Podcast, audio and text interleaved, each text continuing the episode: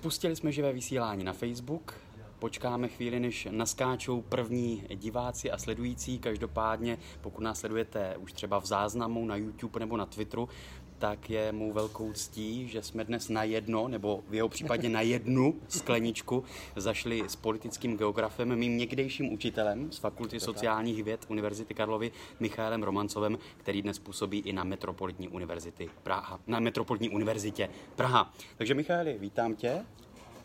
Na zdraví. Na zdraví. Na zdraví. Děkuji, že si přijal mé pozvání. Už se na nás dívá 9-10 lidí, tak už nám přibývají první sledující. No a my se budeme bavit pochopitelně o té aktuální politické, mezinárodně politické, geopolitické situaci nejenom v souvislosti s Tajvanem, nejenom v souvislosti s Běloruskem a Ruskem. Klidně se ptejte i vy, několik otázek už nám přišlo i na Twitteru, tak doufám, že se k ním dostaneme. A jenom připomenu, že ten formát jeden na jedno, nebo jeden na jednu skleničku, který vznikl vlastně spontánně minulý týden, spočívá v tom, že ten rozhovor bude trvat tak dlouho, než jeden z těch dvou nápojů nebude vypit. Takže já se napiju, ať trošku popo, poposuneme čas a možná to rychle ukončíme.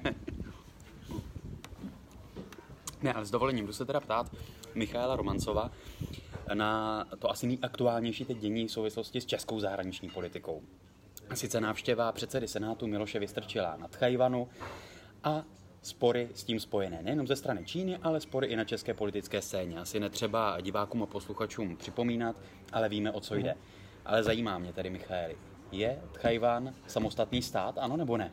Tchajvan je samostatný stát, ale to neznamená to samé, jako že by to byl stát, který je mezinárodním společenstvím v plné šíři uznávaný. To jsou totiž dvě e, věci nebo dva fenomény, které zapotřebí od sebe odlišit. Ten termín, ty jsi se ptal na to, jestli je samostatný. Většinou ten termín samostatnost je stotožňován s pojmem suverenita.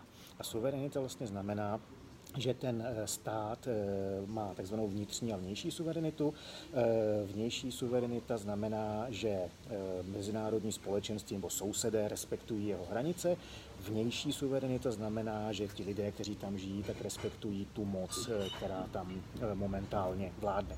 Obě tyhle ty dvě podmínky jsou v případě Tajvanu jednoznačně splněny, protože samozřejmě Čínské lidové republice se sice nelíbí existence samostatného Tajvanu, ale jak vidíme, prostě tajvanská vláda kontroluje své území. Nejedná se jenom o ten uh, hlavní ostrov, ale jedná se o ty menší uh, ostrůvky, které jsou v zásadě na dohled od uh, pevninské Číny. A samozřejmě obyvatelstvo, které tam žije, tak uznává svoji vlastní vládu. Chodí volit a žijou prostě přesně, přesně normálním životem. Normálně život. Čili v tomto ohledu Tajvan bez zesporu je suverénním státem, suverénní entitou. Není ale mezinárodně uznán. Nemá mezinárodní uznání, respektive nemá plnohodnotné nebo plnocené mezinárodní uznání, protože v současnosti má standardní diplomatické e, vztahy e, jenom zhruba, teď to nevím přesně z hlavy.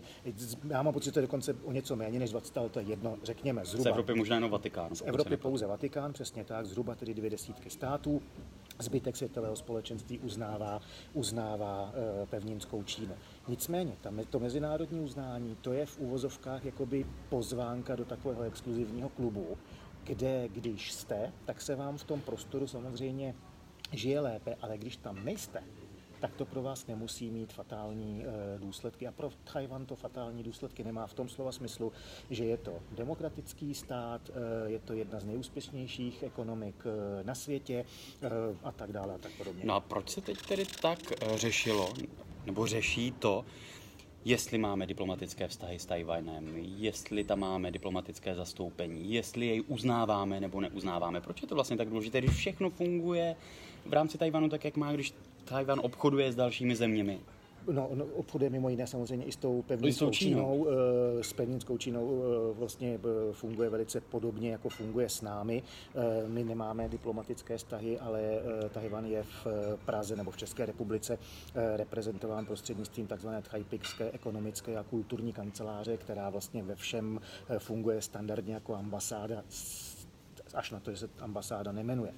Ale je to důležité právě proto, že se ve světě hraje eh, o eh, ksi reputační body, abych tak řekl, a ten komunistický režim, eh, který zvítězil v, na pevnině v roce 1949, si za jako jeden ze svých cílů prostě vytknul, že ovládne celou Čínu. Teď je otázka samozřejmě, co všechno je a co není Čína, protože to je také, on je to spíš kulturně civilizační pojem, než aby to byl pojem, který by po celou tu zaznamenanou historii se týkal jednoho jediného území, ale každopádně z pohledu Pekingu do toho prostoru Číny tedy má patřit i Tajvan a Tajvanci si myslí, že tedy oni jsou něco jiného. A co je to tedy ta politika jedné Číny? O co eh, se vede ten spor? To je taky zajímavé. Ten termín politika jedné Číny existuje, ale ono nikdy není napsáno, jaké Číny. Protože vlastně ty v úvozovkách ty Číny jsou dvě. Je takzvaná Čínská republika, neboli Tajván, a Čínská lidová republika, nebo pevninská Čína, nebo komunistická Čína, jak chceme. A tyhle ty dvě Číny se eh, vlastně od toho roku 49 v mezinárodním prostoru přetahují o to, kdo a proč je bude nebo nebude eh, uznávat. Do 70. let 20. století vlastně většina členů mezinárodního společenství uznávala ten Tajvan. Eh, pak se to postupně se vstupem té pevninské Číny do OSN na začátku 70. let otočilo a dneska má výrazně větší eh, uznání v mezinárodním eh, prostoru eh, Čínská lidová republika než, než Tajvan. A proč je to pro Čínu tak důležité, když nemá faktický vliv na to, co se na Tajvanu politicky děje? Já jsem přesvědčen, já samozřejmě nejsem, nejsem expert na Čínu, nejsem, nejsem synolog, ale jsem přesvědčen, že se právě to týká té reputace. Prostě v roce 49 byla nějaká situace, tehdy ti zakladatelé nebo Mao Tse-tung prostě řekli, jaký by měl být ten ideální stav. No a ten ideální stav eh, se zatím nedaří realizovat právě proto mimo jiné, že jako Tajvan je mimo. A to je pořád tak důležité, ta reputace. Přece jenom kdyby Čínská lidová republika kolem toho nedělala takový humbuk, tak by hmm? se nic nestalo, mohlo by se obchodovat, cestovat na Tajvany na té politické úrovni a nemuselo by se to vůbec řešit. No, ono by se nic nestalo z našeho pohledu, ale evidentně by se něco stalo z pohledu uh, soudruhů v Pekingu. Uh, prostě to je uh, jedna z těch takzvaných červených, nebo chcete-li nepřekročitelných linií a mají to postavené takhle. A čistě z prestižních důvodů. Já se přesvědčen, že tam je primárně to, respektive takhle, kdyby samozřejmě eh, Čínská lidová republika ovládla Tajvan, tak eh, dostane pod svou kontrolu eh, prostor, který sice není z jejich pohledu extrémně lidnatý, tam je v úvozovkách všeho všude 23 milionů obyvatel, ale tajvanská ekonomika je vysoce inovativní, to znamená ten potenciál lidský nebo vědecko-technický, průmyslový, za předpokladu, že, nebyl, že by nebyl zlikvidován, tak to je něco, co by pochopitelně jak si Číně, Číně pomohlo. Vím, že Čína není úplně tvojí tou hlavní expertízou, ale přece jenom v tom geopolitickém celosvětovém dění souvisí to možná teď i s tím, jak Čína stále asertivněji vystupuje na tom politickém kolbišti? Nepochybně. A eh, co je totiž podstatné, eh, ono, my můžeme vzestup Číny za prvé sledovat na nějak nějakých, řekněme, grafech nebo údajích, kde vidíme, jakým způsobem e, dynamicky rostlo čínské HDP, kde všude se začaly uchycovat čínské firmy a tak dál. E, pak to má nějakou eh, časovou osu, takže vlastně tady vidíme, že je téměř 30 let nepřetržitého ekonomického růstu, byť ta dynamika toho růstu se v poslední době Eh, době eh, zpomaluje, ale pak je tady eh, další důležitý fenomén. Před, řekněme, těmi 30 lety byla Čína jenom jeden z mnoha států v systému mezinárodních vztahů, nebo ta Čínská lidová republika. Dneska je to, řekněme, jeden z pěti, možná jeden ze tří nejdůležitějších hráčů. A to je samozřejmě něco, co mimo jiné na čínské politické vedení klade úplně Eh, jiné nároky. A zatím tomu vždycky tak bylo, že v okamžiku, kdy nějaký eh, stát vlastně vystoupil z toho stínu do té doby, eh, který vrhali eh, etablované mocnosti a začal být jednou z těch etablovaných mocností, že většinou tam je možné pozorovat velmi rychlý, velmi dynamický jakoby růst eh, příležitostí, vztahu a tak dál. Jenomže všichni ti velcí hráči potom mají svoje zájmy a ty zájmy a způsob jejich prosazování, ošetření dříve či později navedou na v úvozovkách kolizní kurz, ať už s těmi ostatními mocnostmi, nebo s nějakými jinými členy mezinárodního eh, společenství. Eh, čínští komunisté dlouhou dobu se mohli eh, tvářit třeba ve třetím světě. My nemáme nic pro společného s vašimi problémy, za všechny vaše problémy mohou Britové, Francouzi, Rusové, Američané, my nic. Dneska, když se podíváš na řadu míst do Afriky, jak zjistíš, že tohle to už neplatí, protože komunistická Čína je tam etablovaná a její aktivity, ať už ekonomické nebo jakékoliv jiné, samozřejmě generují jak pozitivní, tak negativní dopady čím eh, víc bude eh, Čína stoupat, její váha v mezinárodních stazích, tím bude přibývat eh, případů všude na světě. My jsme konec konců jeden z příkladů, že to vlastně povede k těm negativním důsledkům. No, učili jsme se na fakultě, že za studené války jsme tady měli bipolární svět, dvě velmoci, které soupeřily, pak v 90. letech jsme mluvili o multilaterálním světě, kdy dominovaly Spojené státy, pak o nějakém světě multilaterálním, ale jak je to teď? Není to teď, že teď jsme vlastně zpátky v jakémsi bipolárním světě a ne tedy dvou států, ale dvou systémů, ideologií, pohledu na svět a na světové uspořádání? Eh, myslím si, že nejsme, protože ta bipolarita se vyznačovala tím, že tam byly naprosto jednoznačným způsobem uh, identifikováni ti dva hlavní vůdci, na straně jedné Sovětský svaz, na straně uh, druhé Spojené státy. A dnes to tak není? Spojené státy versus Čína? Myslím si, že to tak ještě není. Otázka, jestli tomu tak někdy bude. Ale co je podstatné, ono tohle to určitě platilo pro uh, pohled z Evropy zejména z té Evropy střední, která bezprostředně byla rozdělená eh, studenou, studenou válkou. To železná opona to hezky rozdělala. Přesně tak. Ale eh, ono to už nejpozději, v 70. letech, tak úplně neplatilo. Eh, v Africe a v Ázii existovalo tady hnutí nezúčastněných zemí od začátku 60. let, které přece pravda nikdy jako nedokázalo vygenerovat srovnatelný mocenský nebo ekonomický potenciál, ale je nesporné, že vlastně to byla největší skupina, která v tom by, zdánlivě bipolárně rozděleném světě, světě eh, byla takže eh, ono to, co se eh, nám právem zdálo být jako přehledně strukturovaný svět,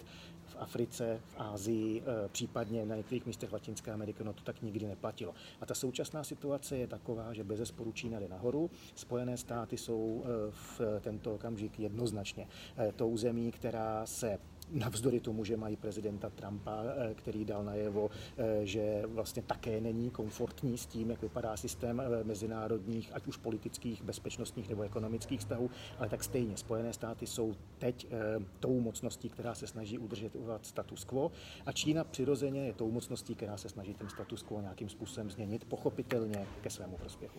Proměnilo se to i vnímání těch států, toho mezinárodně politického uspořádání, že Spojené státy jsou dneska více ochranářské evropské, více uzavřené a Čína naopak podporuje tu liberalizaci a propojování vlastně světa? Eh, Čína si zaprvé uvědomila, že tohle je něco, co jí přineslo obrovský ekonomický úspěch, ale eh, to vlastně tvrzení prezidenta Xi Jinpinga, tuším, že to je dva roky zpátky, co na Mezinárodním ekonomickém fóru v Davosu vlastně prohlásil, my Číňané jsme eh, vlastně tím hlavním ochráncem eh, eh, jaksi volného obchodu. Ono to upřímně řečeno je fráze, která se skvělým způsobem prodává do sdělovacích prostředků, ale když se podíváme třeba na to, jakým způsobem je organizovaná čínská ekonomika, no tak Čína je všechno možné, jenom ne ten proponent eh, té svobodné ekonomické soutěže, která původně vlastně byla na začátku toho, jak jsme si tady na západě už někdy od dob, řekněme Adama Smise, představovali, že bude svět fungovat. Máme tady jeden komentář na Facebooku od Františka Kuny. Zdravím pana Romancová, jeho přednášky politické geografie bylo to jednoznačně nejzajímavější z mého studia politologie a byl jsem v tom tak dobrý, že si nejvíc pamatuju, že Japonci postavili poštu někde v moři. A tak místo z nějakého politologického institutu zdravím z Tour de France. Na zdraví. Eh, děkuju a zdravím. zdravím Jak to bylo? Japonci opravdu postavili poštu někde v moři? Eh, to se týká fungování eh, exkluzivní ekonomické zóny, což je fenomén, který my nevnímáme, protože nemáme přístup k moři, ale jde o to, že Eh, současně, eh, v současné době platný eh, režim, který je znám pod zkratkou UNCLOS, což je zkrátka pro United Nations Conventions on the Law of the Sea, vlastně znamená, že když se v moři objeví kus pevniny, eh, tak eh, pokud eh, optikou téhleté dohody je vlastně ten kus pevniny schopen samostatného ekonomického života, tak pokud to patří k nějakému státu, tak ten stát si o tenhle ten kousek pevniny vlastně může zvětšit svoji exkluzivní ekonomickou zónu.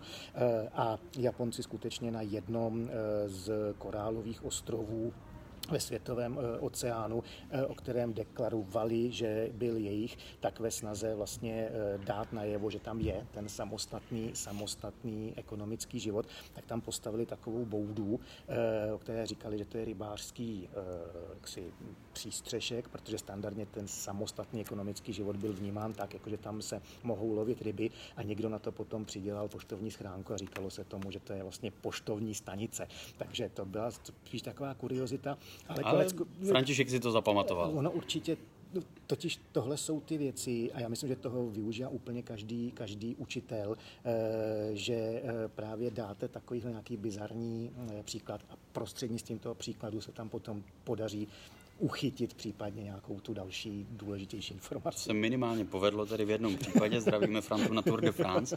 Zpátky ještě k té Číně. Zajímá mě, ukázalo se teď během covidu, během toho posledního půl roku, jak je svět závislí na Číně. Nejenom co se hmm. týče roušek, ale obecně výroby, jak se opravdu z Číny. My jsme to všichni věděli, ale teď se to opravdu ukázalo v té praxi, jak jsme na Číně závislí, co se týče přesunu výrobních kapacit do Číny.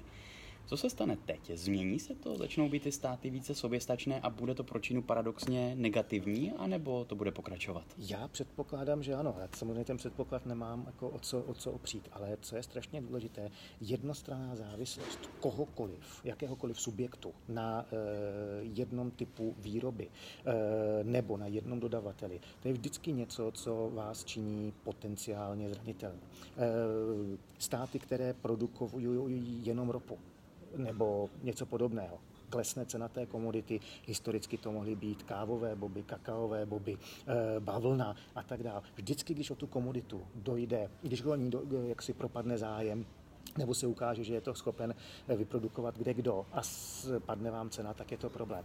A tentokrát eh, vlastně my jsme se dostali během těch posledních 30 let do situace, že Čína na svém území koncentrovalo v některých eh, odvětvích opravdu naprosto rozhodující eh, část světových eh, výrob a ono to narazilo prostě v této vypjaté situaci na ty limity. V zásadě v tomto ohledu to bylo předpokládatelné, předvídatelné a teď nezbývá než doufat, že se dokážeme poučit. No a Číně to tady evidentně může uškodit, může. teď ta situace letošního roku.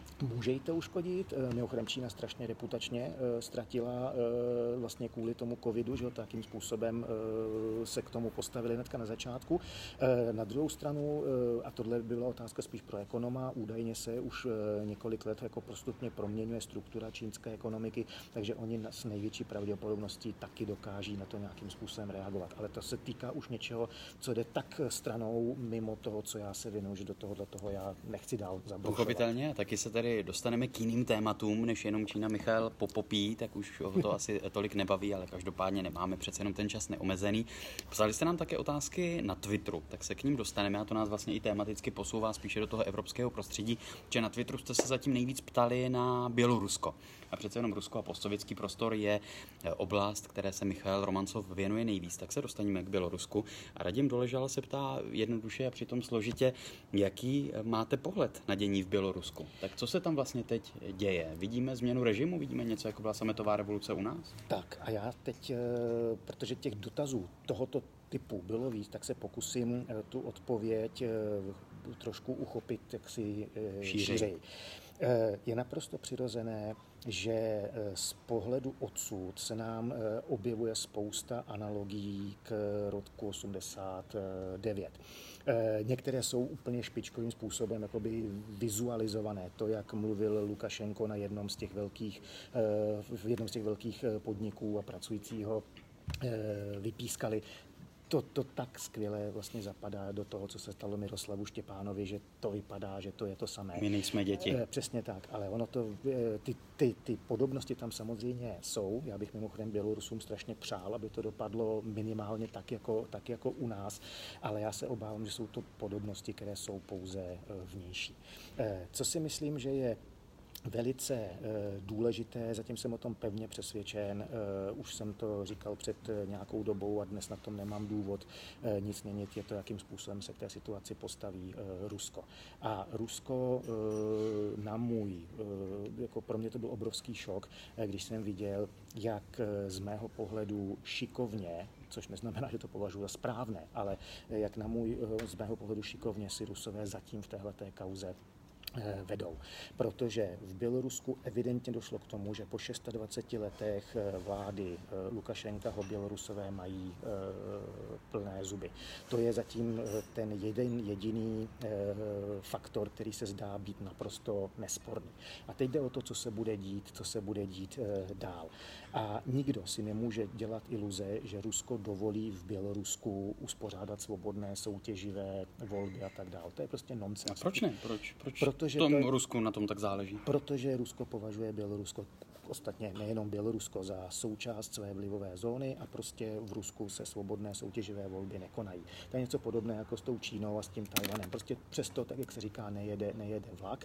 Eh, oni tam samozřejmě umožní případně uspořádat zase další nějakou maškarádu, která bude vypadat jako volby a my o ní budeme informovat jako o volbách, protože proto nemáme jiný pojmový aparát, ale prostě to takhle fungovat nebude.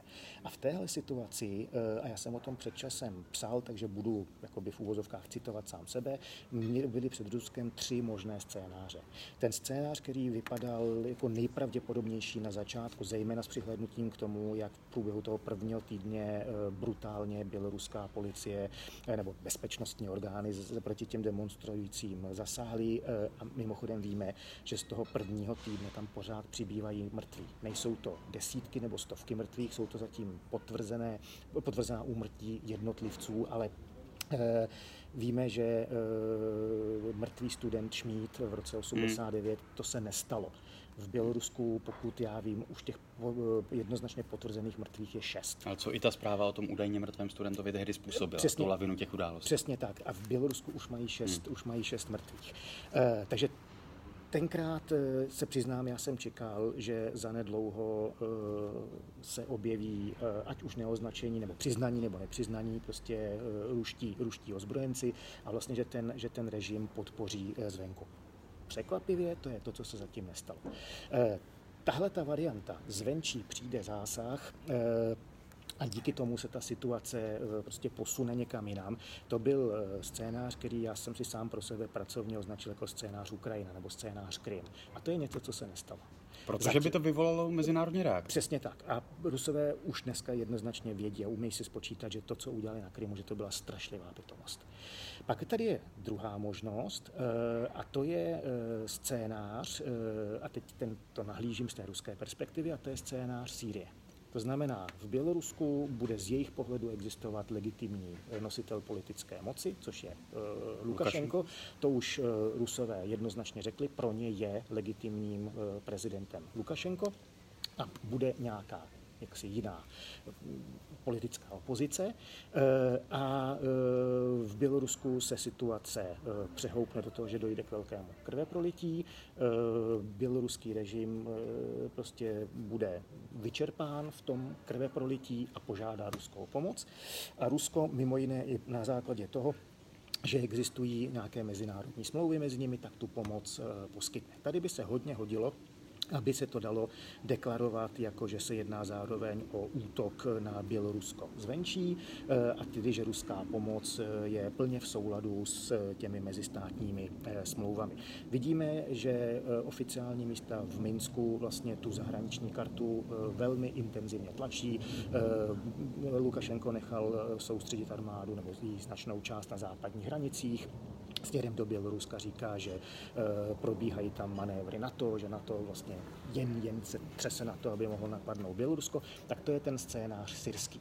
Z Čili ruského... což by udrželo eh, Lukašenka, Lukašenka u, moci, u moci, tak e, jako Rusko pomohlo Bašárovi Asadovi, přesně, přesně tak. Asadovi ano. přežít. A to je scénář, který z ruského pohledu má jednu obrovskou výhodu a tou výhodou je, že mezinárodní společenství sice to bude kritizovat, ale tady se nejedná o žádné flagrantní porušení mezinárodního práva, protože prostě Bělorusko to chtělo. Bělorusko to chtělo, přesně tak, Sýrie to chtěla, takže to, takže to funguje.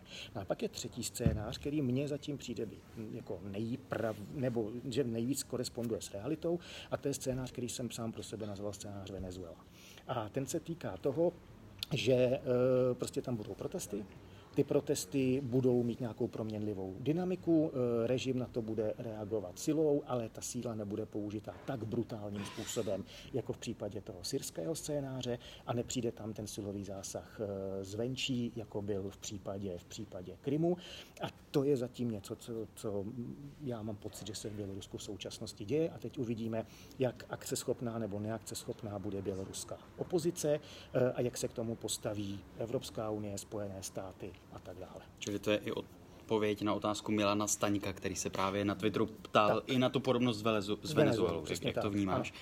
Proč by to vlastně mělo zajímat nás, co se děje v Bělorusku, nás v České republice? E, protože je, je to součást Evropy. E, prostě my žijeme v Evropě e, a vlastně si možná vůbec neuvědomujeme, jak dobře se nám v Evropě e, žije. A teď já nemám na mysli ten socioekonomický rozměr. Byť i ten samozřejmě je podstatný, ale e, když e, jdeme po ulici a nad hlavama nám přeletí letadlo, tak nikdo z nás se neběží schovat, protože v Evropě je bezpečno. Když e, máme bouračku nebo nás, nedej bože, někdo vykrade, no tak co uděláme? Zavoláme policii, protože od toho policii máme. My žijeme v jedné z nejlepších částí světa, protože tady stát funguje tak, jak fungovat má. Což neznamená, že funguje bezchybně, ale Prostě to tak je. E, situace na řadě míst Ázie, na řadě míst Afriky je úplně jiná. A čím víc se do Evropy budou vracet e, ty věci, které tady v minulosti byly a o kterých jsme se naivně domnívali v 90. letech, že už jsou navždy, navždy pryč, to znamená etnicky motivované konflikty, případně etnické války, e, vlastně zasahování do vývoje v jednotlivých eh, zemí zvenčí eh, prostřednictvím vysílání, ať už označených nebo neoznačených jednotek, tím hůř se nám v Evropě bude žít. A to je vlastně ten minimální společný jmenovatel, který by nás měl na tom, co se děje v Bělorusku, velmi zásadním způsobem zajímat. Nám ještě přibývaly nějaké otázky na Twitteru, tak jestli tě, jakmile se napiješ, můžu poprosit, jestli se můžeme podívat k tobě na telefon, protože z mého telefonu teď vysíláme na Facebooku. Ivo Zelinka se ptal, Eh, na tři otázky. Jaké má Rusko možnosti ohledně situace v Bělorusku? Jaký jsme... předpokládáte další vývoj? To už si zodpověděl. Ano. Jakou předpokládáte roli Evropy v geostrategickém soupeření USA a Číny? A třetí otázka, jaký předpokládáte vývoj ohledně neodstoupení Německa od projektu Nord Stream 2? Dobře, takže já začnu. Já s se pak ještě určitě, určitě listuj si v tom, jak potřebuješ. Eh, já s dovolením začnu eh, tou roli Evropy. No Evropa by měla být výrazně aktivnější, než je. Nicméně Evropa je tak pasivní, jak je, protože Evropa funguje tak, jak eh, funguje. Eh, já většinou používám eh, takový příklad, který snad jako to dobře ilustruje, že zatímco Spojené státy jsou superpower, Evropská unie je supermarket. A to je ten podstatný rozdíl. Ten, ten supermarket evropský má veškeré, veškerý, veškerý předpoklady pro to, aby se také stal mocností. Dokonce případně i supervelmocí. Je nás e, půl miliardy. To je po je Indii, velká síla. To je po Indii a Číně třetí jako největší eh, nebo nejpočetnější populace. Eh, máme tady špičková eh, vědecká pracoviště, obrovský inovační potenciál. Máme obrovskou tradici, pokud jde o fungování evropských ozbrojených sil. Nemáme sice plnohodnotně všechny ty kapacity, které třeba mají Spojené státy, ale to všechno jsou věci, které, když by na věc přišlo, jsme schopni vyprodukovat, začít používat a tak dál. Ale k tomu musí být ta funkční politická jednota. A ta funkční politická jednota v této oblasti zatím absentuje, protože v těch 27, eh, v té skupině 27, no nedávna 28 států, prostě k tomuhle tomu zatím nebyla dostatečně silná politická vůle. Otázkou je, jestli turbulentní eh, vývoj ve světě, teď, jako, jak bude pokračovat 21. století, jestli nedojde k takovému e, zlomu, že se ukáže, že prostě jako jiná možnost e, není. A pak je otázkou, jak bude Evropa e, sjednocena. Jestli to bude v úvozovkách pruský vzor, to znamená s nějakou omezenou, krátkou válkou, ale výsledkem bude potom funkční jednota, anebo jestli k tomu dojde nějakým jiným způsobem. To samozřejmě nevím, to bych teď jenom, eh, jenom jaksi spekuloval. Ale, a ten přístup Německa k Rusku? Pardon, a jenom, ještě abych to do, do, do, do, eh, do, dokončil, čili myslím si, že vlastně zatím ta role Evropy bude spíš eh, jaksi sekundární, že spíš budeme přihrávat jak si těm dalším velkým hráčům a já doufám, že ten, komu budeme přihrávat, budou daleko víc Spojené státy, než nedej bože Rusko nebo, nebo Čína. A pokud jde o Německo a Nord Stream, eh, vypadá to, že dokonce i tak eh, konzervativně naladěná politička jako Angela Merklová, pokud jde o její vztah k Rusku, je pod tlakem toho, co se v Rusku děje, eh, nucená zatím verbálně, ale připustit, že bude modifikovat svůj postoj vůči, vůči Nord Streamu. Německo protože Angela Merkelová tam eh, byla teďka u moci eh, dlouhou dobu, eh, tak vlastně díky tomu ta jeho zahraničně politická orientace nebo ten vztah k Ruskem byl, je dlouhodobý tak Německo investovalo neuvěřitelné množství kapitálu, jak toho symbolického, tak politického, tak samozřejmě finančního, do toho, aby eh, vztahy s Ruskem byly pokud možno co nejlepší. Jsou pragmatické, jsou, asi jsou pragmatické. pragmatické, ale přestávají být, eh, přestávají být nosné. Eh, právě proto, že ruská politická elita, respektive Vladimír Putin, se rozhodnul, že eh, bude v úvozovkách cvičit celým světem Německo, Německo nevýjímaje a eh, zdá se, že to, co se stalo kolem eh, Navalného, tak, že to může být ona příslovečná poslední kapka, respektive druhá poslední kapka. Ono tou první bylo, to už je kolik, 8 eh, let zpátky minimálně, kdy eh, Vladimír Putin, který velice dobře věděl, že Angela Merkelová má fobii ze psů, tak při jednom eh, z bilaterálních jednání na ní pustil svého psa. Ne, že by poštval, teda psa by koncleřku pokousal, ale když máte fobii ze psů a byť jaksi přátelsky se k vám blíží. Tuším, že to tenkrát byl nějaký labrador, to je docela jako velké zvíře. Ale tak milé zvíře. Milé, nicméně, myslím si, že když je tam hmm. ta fobie hmm. a ta druhá strana to moc dobře ví, tak je to jednoznačný signál. Ten byl možná namířen vůči Angele Merkelové v osobní rovině a to bylo něco, co kancléřka zpracovala, co byla schopná ustát. Nicméně před eh, půl rokem došlo k tomu, že s největší pravděpodobností na pokyn eh, si Kremlu byl přímo v Berlíně zlikvidován eh, jeden z oponentů eh, Putinova režimu teď, Navalný. A zdá se, že tohle už je něco, co se ani tak netýká osobně Angely Merkelové, ale týká se to vlastně, eh, řekněme, reputace Německa jako státu, který je schopen a ochoten hájit a bránit a případně vynucovat normy, které jsou platné Čili ty v Německu. Pragmatické vztahy už nejsou úplně německým zájmem, nebo přestávají být ve výhodě Německa? Začíná to ohrožovat Německo? Myslím si, že vlastně způsob, kterým Putin v tento okamžik řeší ať už zahraničně politická nebo vnitropolitická témata, začíná i v očích Angely Merkelové eh, jednoznačně eh, být důležitější než případné nebo i reálné ekonomické výhody, které plynou z rusko-německé spolupráce. Máme komentář na Facebooku, Karolina Součková, Romancov je nejlepší. Eh, já moc krát děkuji, ale určitě nejsem, určitě je řada lepší. Já, tak po, pochvalný komentář vždycky potěší. Barbara Kroušková se ptala na Twitteru, jaká je geopolitika ve vesmíru.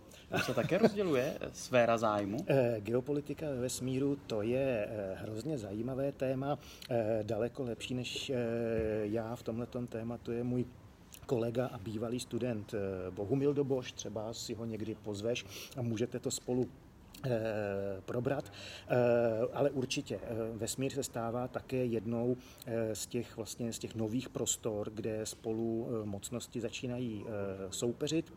Eh, ono to je eh, v zásadě už od počátku toho, co člověk proniknul do vesmíru, už v těch 50. letech bylo jasné, že to sebou nese jak eh, bezprostředně vojenské dopady, vývoj raket, satelity pro komunikaci, pro, pro, pro sledování protivníka a tak dále, tak podobně ale také, že to má ten úžasný, úžasný dopad, eh, řekněme, PR-ový. Eh, konec konců není náhodou, že Rusové svou vakcínu, která možná funguje, možná nefunguje proti covidu, eh, pojmenovali Sputnik, nebo že jedna z těch jejich agentur se jmenuje Sputnik, protože si... Je to signál.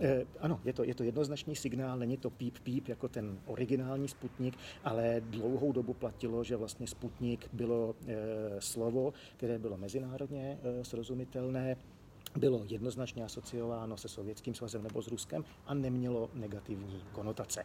Díky fungování toho mediálního eh, sputniku si myslím, že už tohle to přestává platit. Tak ta vesmírná geopolitika tedy bude možná předmětem příštího rozhovoru. Položím poslední otázku. Marek Nechvátal se ptal na Twitteru, jestli se neobáváš, a teď cituji, vendety ruských rozvědčíků za to, jakou osvětu o Rusku v Česku šíříš. Ono to zní možná trochu s nadsázkou, ale přece jenom. Takhle. Je to vážná otázka. Je to vážná otázka, ale já si nemyslím, že bych v, v očích uh, Ruska byl uh, jako tak důležitým, aby jim tohle jako za to stálo. No a jestli se pletu, tak se pletu a každý z nás je svého sudu a svého štěstí strujcem. A já jsem si vybral tenhle osud a tenhle způsob komunikace a tak dáli pámbu v něm budu pokračovat až do okamžiku, kdy z tohoto eh, světa sejdu nějakou přirozenou cestou. Máš strach z, z různých reakcí, které ti chodí třeba na sociálních sítích nebo se kterými se setkáváš, protože přece jenom jsi kritický k ruskému režimu a Rusko vyvolává vášně v českém eh, prostoru. Vyvolává, eh, řeknu takhle, strach přímo nemám. Občas je člověk zaskočen, co všechno mu přistane v poště, ale ono se s tím, jako, se s tím člověk naučí, naučí žít. Já si myslím, že eh, každý člověk, kdo ve veřejném prostoru je vidět, eh, tak čas od času je eh, terčem někdy mimořádně hnusné a v úvozovkách zaujaté kritiky. Myslím si, že se to stává sportovcům když někdo, já nevím, hraje v našem případě hokej, fotbal a typická situace, pustí hloupý gol nebo nedá penaltu, tak si umím představit, že fanoušci asi jako dělají eh, kolem toho psí kusy. Eh, pokud se nepletu, tak eh, někdy v 90. letech, když byl fotbalový šampionát ve Spojených státech, tak tuším, že to byl hráč z Kolumbie, nedal penaltu a když se potom vrátil domů, tak ho někdo zastřelil. Eh, nemyslím si, že by si kvůli tomu většina jako fotbalových eh, hráčů eh, Doufám, připo- že se u nás nestane. připouštěla, že by se děly takovéhle věci.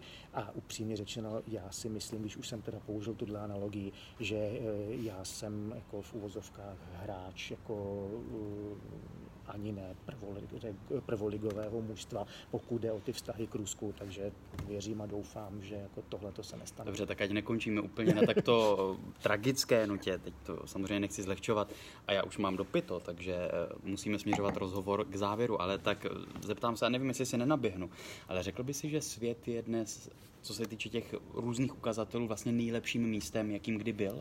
Eh, z hlediska toho, jak funguje ta část světa, kde žijeme my, tak jednoznačně v Evropě nikdy nebylo tak dobře, tak bezpečně eh, jako je, jako je v současnosti.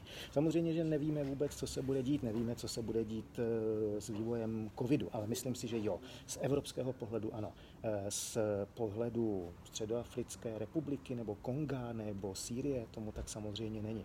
Jinými slovy, nebavme se o tom, jako jak to funguje na celém světě. Svět je příliš velký, příliš komplikovaný. Eh, vycházejme z toho, co máme, eh, co máme my a snažíme se to udržet a já si myslím, že opravdu tady zatím jako se žije velmi dobře. Michal Romancov, politický geograf z Fakulty sociálních věd Univerzity Karlovy a z Metropolitní univerzity Praha, byl dnes mým hostem ve streamu Jeden na jedno. Pivo dopito, víno téměř také, takže se loučíme víno už také dopito, takže tím pádem už to musíme, musíme skončit. Děkuji moc, že jste se dívali, že případně nazdílíte ten, to rozhovor dále na sociálních sítích, ať už na Facebooku, nebo na Twitteru, nebo na YouTube. Někdo se ptal na Twitteru, jestli z toho bude podcast, tak mám pro vás pozitivní zprávu. Pravděpodobně ano, ale ještě podrobnosti se dozvíte, pokud mě budete sledovat na sociálních sítích. Napište mi taky do komentářů nebo do zpráv, koho byste si třeba přáli vidět příště. Michal, moc děkuji, že jsme zašli na jedno a za Já. zajímavé povídání, za zajímavé odpovědi. Já děkuji za pozvání a děkuji za pozornost, respektive za některé ty krásné, eh, krásné komentáře. Díky moc. Romancov je nejlepší. Tam byl. Mějte se hezky. Hezký den.